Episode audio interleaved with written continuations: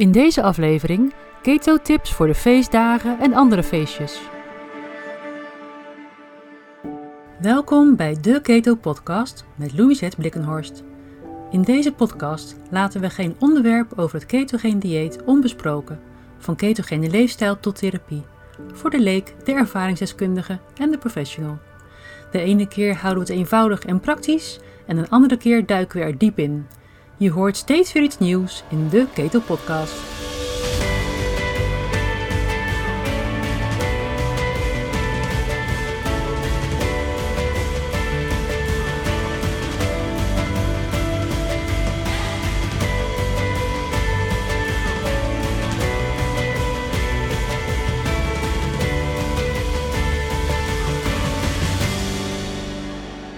De feestdagen staan weer voor de deur en daarom vandaag een podcastaflevering over hoe je omgaat met uiteten, feestjes en alcohol als je een ketogene leefstijl volgt. Vroeger was vooral december de maand waarin veel gefeest werd met Sinterklaas, Kerst en Oud en Nieuw en in de afgelopen jaren is daar Halloween bijgekomen en ook Sint Maarten is weer in opkomst. En vanaf 1 september liggen de kruidnootjes al in de winkel, dus voor iemand die dol is op al het snoep en gebak, wat bij deze feestdagen hoort, is het vanaf de zomervakantie al lastig om het aanbod in de winkels te negeren. Eigenlijk is het zo dat bijna het hele jaar langzaam maar zeker één groot eetfestijn aan het worden is. Alleen in januari doen we even rustig aan en dan begint het alweer met carnaval voor sommige delen van het land. En met Pasen in aantocht liggen de paaseitjes weer in de winkels en worden we alweer bestookt met reclame voor paasontbijt, paasbrunch, paasdiner en paasgebak. Dan hebben we Koningsdag met tompoezen en allerlei eetteentjes op de vrijmarkten. En in de zomer vinden we dat we op een terras moeten kunnen zitten met lekkere drankjes en hapjes en ijs. En op vakantie letten we helemaal nergens meer op, want hé, hey, het is vakantie. Na thuiskomst liggen dan die kruidnootjes dus al in de schappen en begint de aanloop naar Halloween en Sinterklaas. En hoewel het eigen kinderfeesten zijn, betekent dit ook voor veel volwassenen dat je vaker snoep en gevuld speculaas en boterletters, kruidnootjes en chocola gaat tegenkomen. Ook als je het zelf niet koopt, dan krijg je ermee te maken op je werk of in de horeca of als je bij iemand op bezoek gaat. Na Sinterklaas gaan we naadloos over in de kerst, waar lekker eten en met elkaar genieten centraal staat. En dan heb je nog een paar dagen om de restjes op te eten, voordat je op oudejaarsavond je nog een keer helemaal rond gaat eten aan oliebollen en appelbeignets en uh, aan de champagne en de cava gaat. Dan bestaat er nog de kans dat je de eerste dagen van januari bij familie of op je werk nog op een uh, nieuwjaarsborrel wordt gevraagd, waar je ook weer hapjes en drankjes krijgt aangeboden. Tussendoor hebben we dan nog voetbal met oranjefeesten, verjaardagen, trouwerijen en andere gelegenheden waarbij lekker eten hoort. Kortom, best lastig om een gezonde leefstijl vol te houden met al die feestelijkheden en het verleidelijke eten en drinken. In deze aflevering wil ik het hebben over hoe je nu hier je weg in kunt vinden als je een ketogene leefstijl wilt volgen. Want zoals je weet, wie ketogeen eet, laat zowat alle koolhydraten staan. Dus alles waar suiker in zit, alles waar granen in zitten, alle aardappels en alle andere koolhydraatrijke voeding vallen weg. Dus geen kruidnootjes, chocoladeletters, boterletters, oranje tompoezen, oliebollen, koekjes, hapjes enzovoort. En ook geen of weinig alcohol. Nou, lekker dan, ook niet gezellig. En dat is wat de mensen om je heen ook misschien wel zullen denken. Eet je niks? Drink je niks? Joh, doe gezellig mee, kan geen kwaad voor een keertje toch? Doe niet zo ongezellig. Dat is eigenlijk wel de ergste, vind ik zelf. Dit is een soort schrikbeeld wat voor veel mensen al reden genoeg is om niet eens te willen beginnen aan koolhydraatarme voeding. Maar is het wel terecht? Nou, zelf eet ik al sinds 2017 voornamelijk koolhydraatarm en ketogeen en daarvoor at ik al een tijdje op de paleo-manier. Gelukkig is er genoeg lekkers en feestelijks te eten wat koolhydraatarm is. Het is echt heel goed te doen, vooral zodra je merkt dat je er veel beter door gaat voelen. Ik ben zelf een echte snoepert, ben dol op chocola en op vakantie met mijn kinderen eet ik ook wel eens mee met de frietjes of eh, wat lasagne of de pizza. Maar dat merk ik wel. Ik heb gelukkig geen chronische ziekte, ik heb geen gewichtsproblemen of andere gezondheidsproblemen. En daarmee ben ik natuurlijk enorm gezegend. Maar ik weet wel dat als ik een pizza heb gegeten, dat ik daarna twee tot drie dagen lang iets aan mijn darmen en mijn energie merk. Ik heb een uh, opgeblazen gevoel, mijn buik voelt helemaal niet fijn. Ik ben minder fit, uh, ben ook minder energiek en zelfs mijn humeur kan eronder lijden. En dat weet ik van tevoren voordat ik die pizza bestel. En ik maak dan de bewuste keuze en accepteer de gevolgen. En ik weet van mezelf dat ik daarna weer mijn eigen voedingspatroon oppak. En um, wat extra ga vasten bijvoorbeeld, dat ik er heel snel weer vanaf ben. En dan voel ik me weer een stuk beter.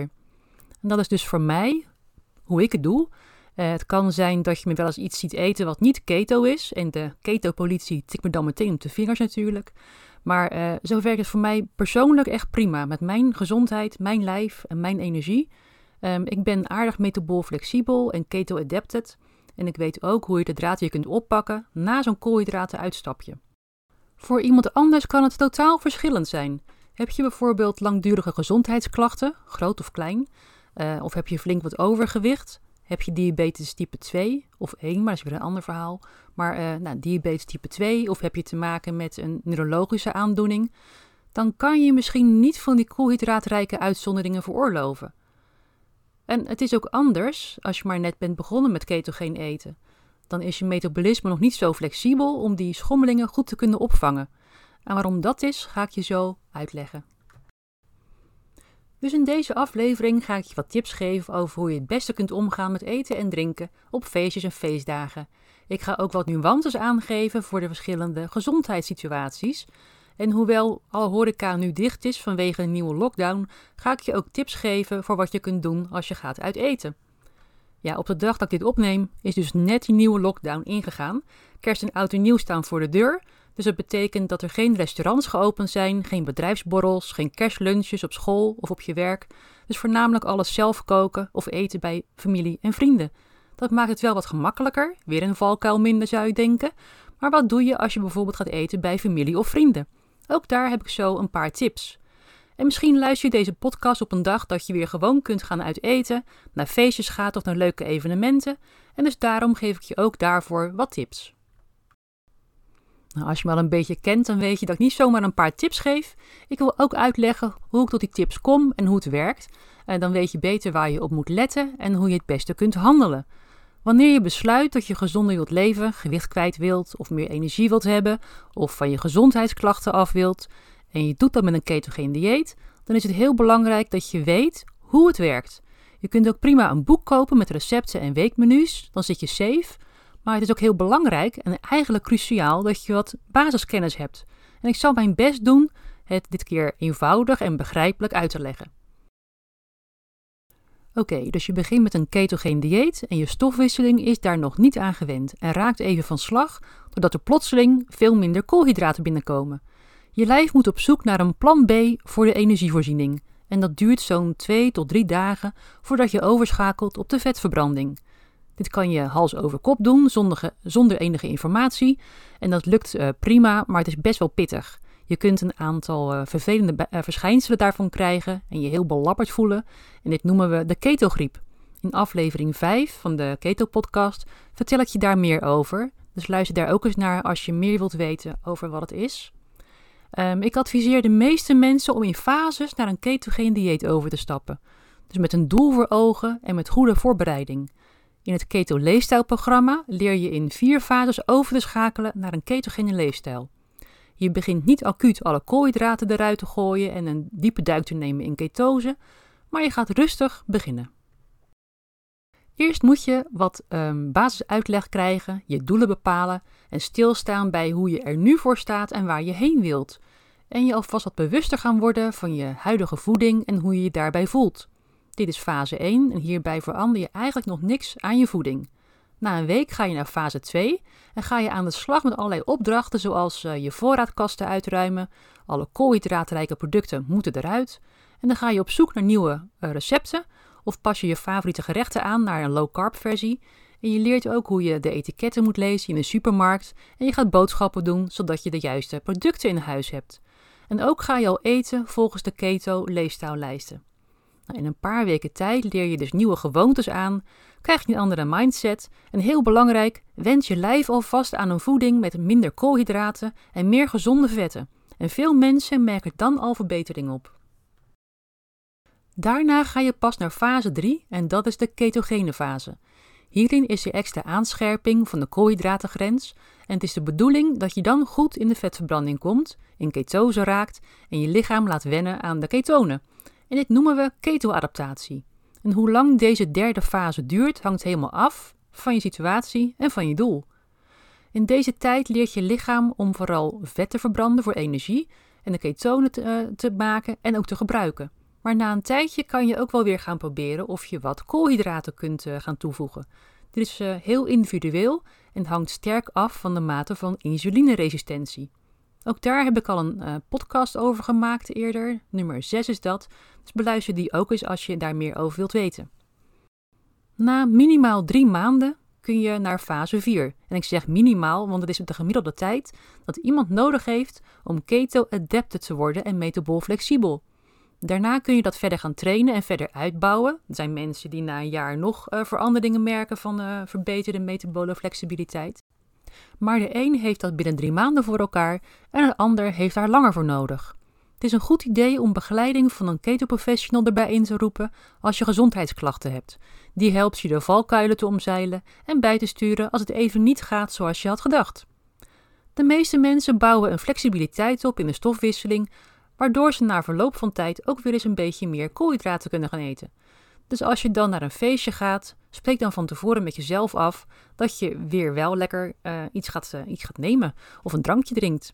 En je merkt dan al snel wat het met je doet. Nou, geniet daar vooral van, maar onderneem ook de dag erna meteen actie. Om weer terug te gaan in ketose en dan weer een tijdje daarin te blijven. Dit zorgt ervoor dat je metabolisme flexibeler wordt en dat je beter kunt gaan schakelen tussen de vetverbranding in de eerste plaats en glucoseverbranding op de tweede plaats. De mensen die het Keto Leefstijlprogramma hebben gedaan en in fase 4 zijn, weten wat het is. Ik noem dat damage control en daar is ook een formule voor.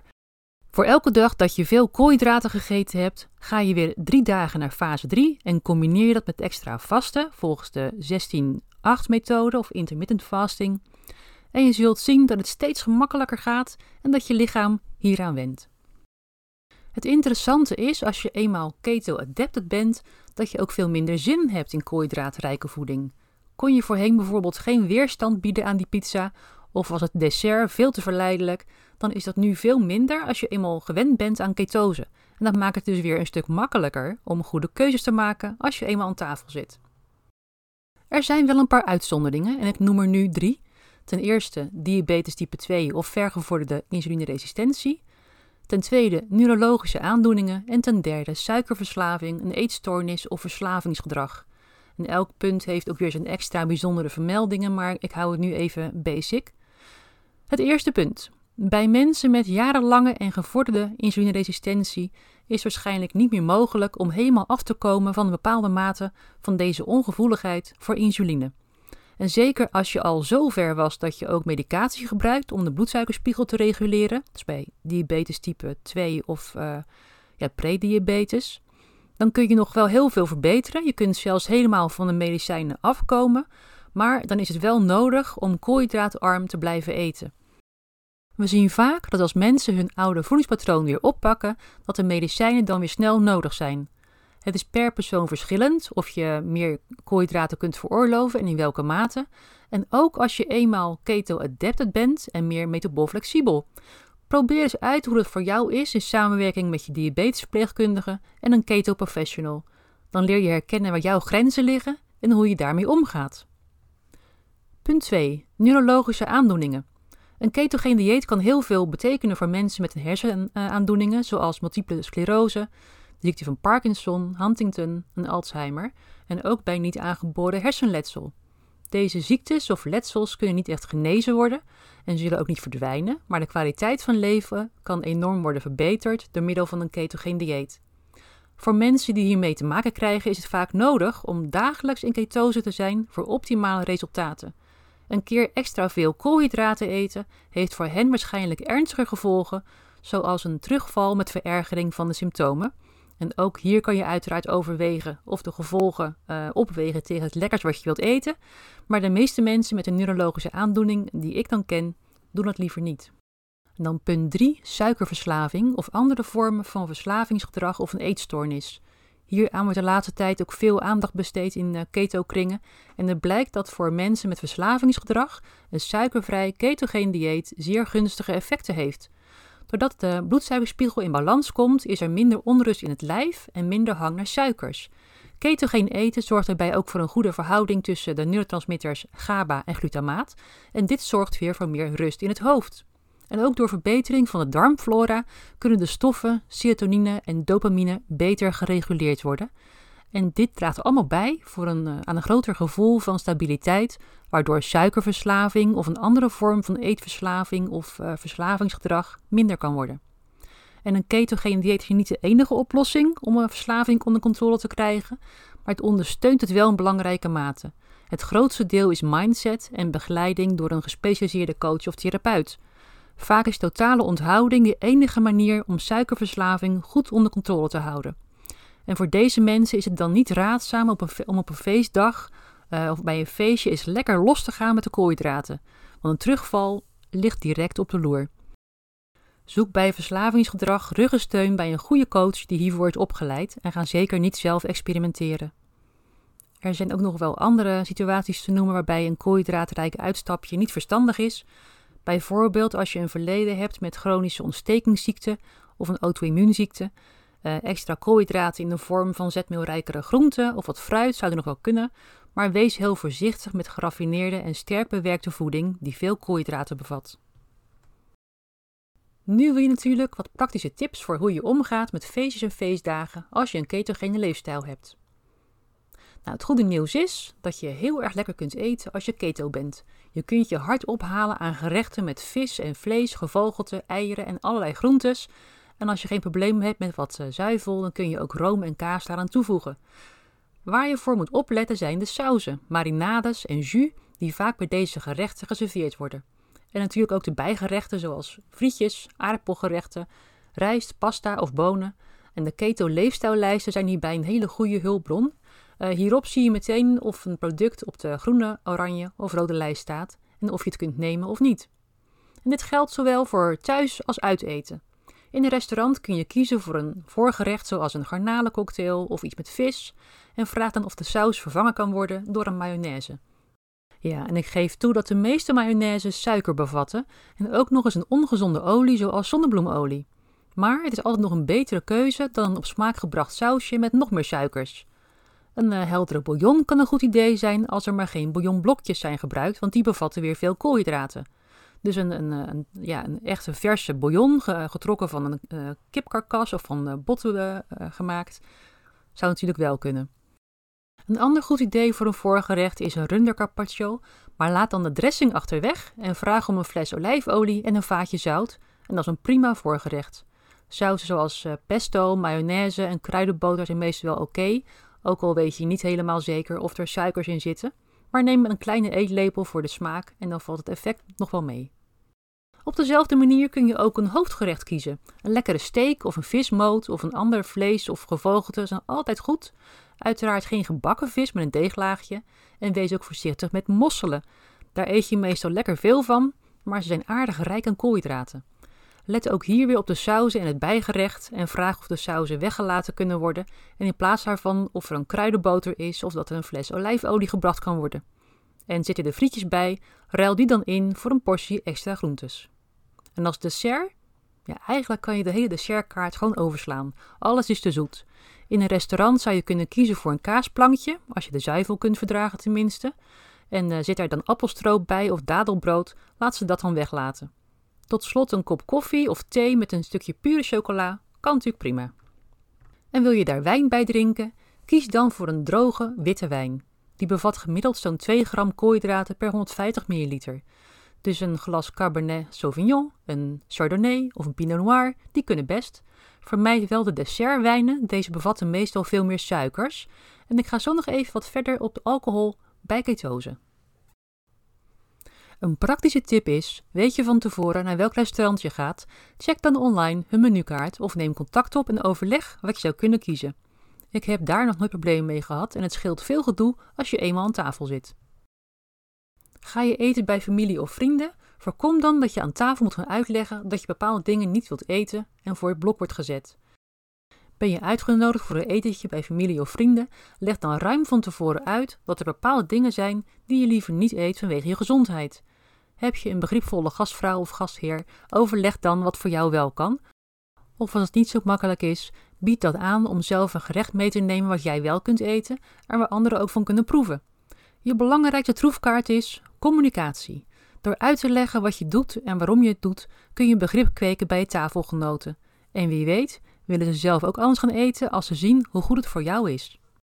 Nodig je zelf mensen uit, dan heb je de volledige regie. Laat ze kennis maken met een compleet koolhydraatarm menu en meestal missen ze de pasta en de frieten niet eens. Voor super lekkere en feestelijke recepten kan ik je de boeken aanraden van Jono Proudfood. Hij is directeur van de Real Meal Revolution in Zuid-Afrika en is opgeleid tot chefkok. Hij stelde een aantal kookboeken samen met echte culinaire verwengerechten die niet misstaan bij het kerstdiner bijvoorbeeld. Zo'n boek is ook een leuk cadeau om weg te geven voor kerst of bij een verjaardag en je vindt deze boeken via mijn website. De link zet ik voor je in de show notes. En dan alcohol. Ik noemde net al een paar wijnen die je kunt kiezen als je koolhydraatarm wilt blijven. En over alcohol heb ik goed en slecht nieuws. Het goede nieuws is dat er een aantal prima koolhydraatarme dranken bestaan.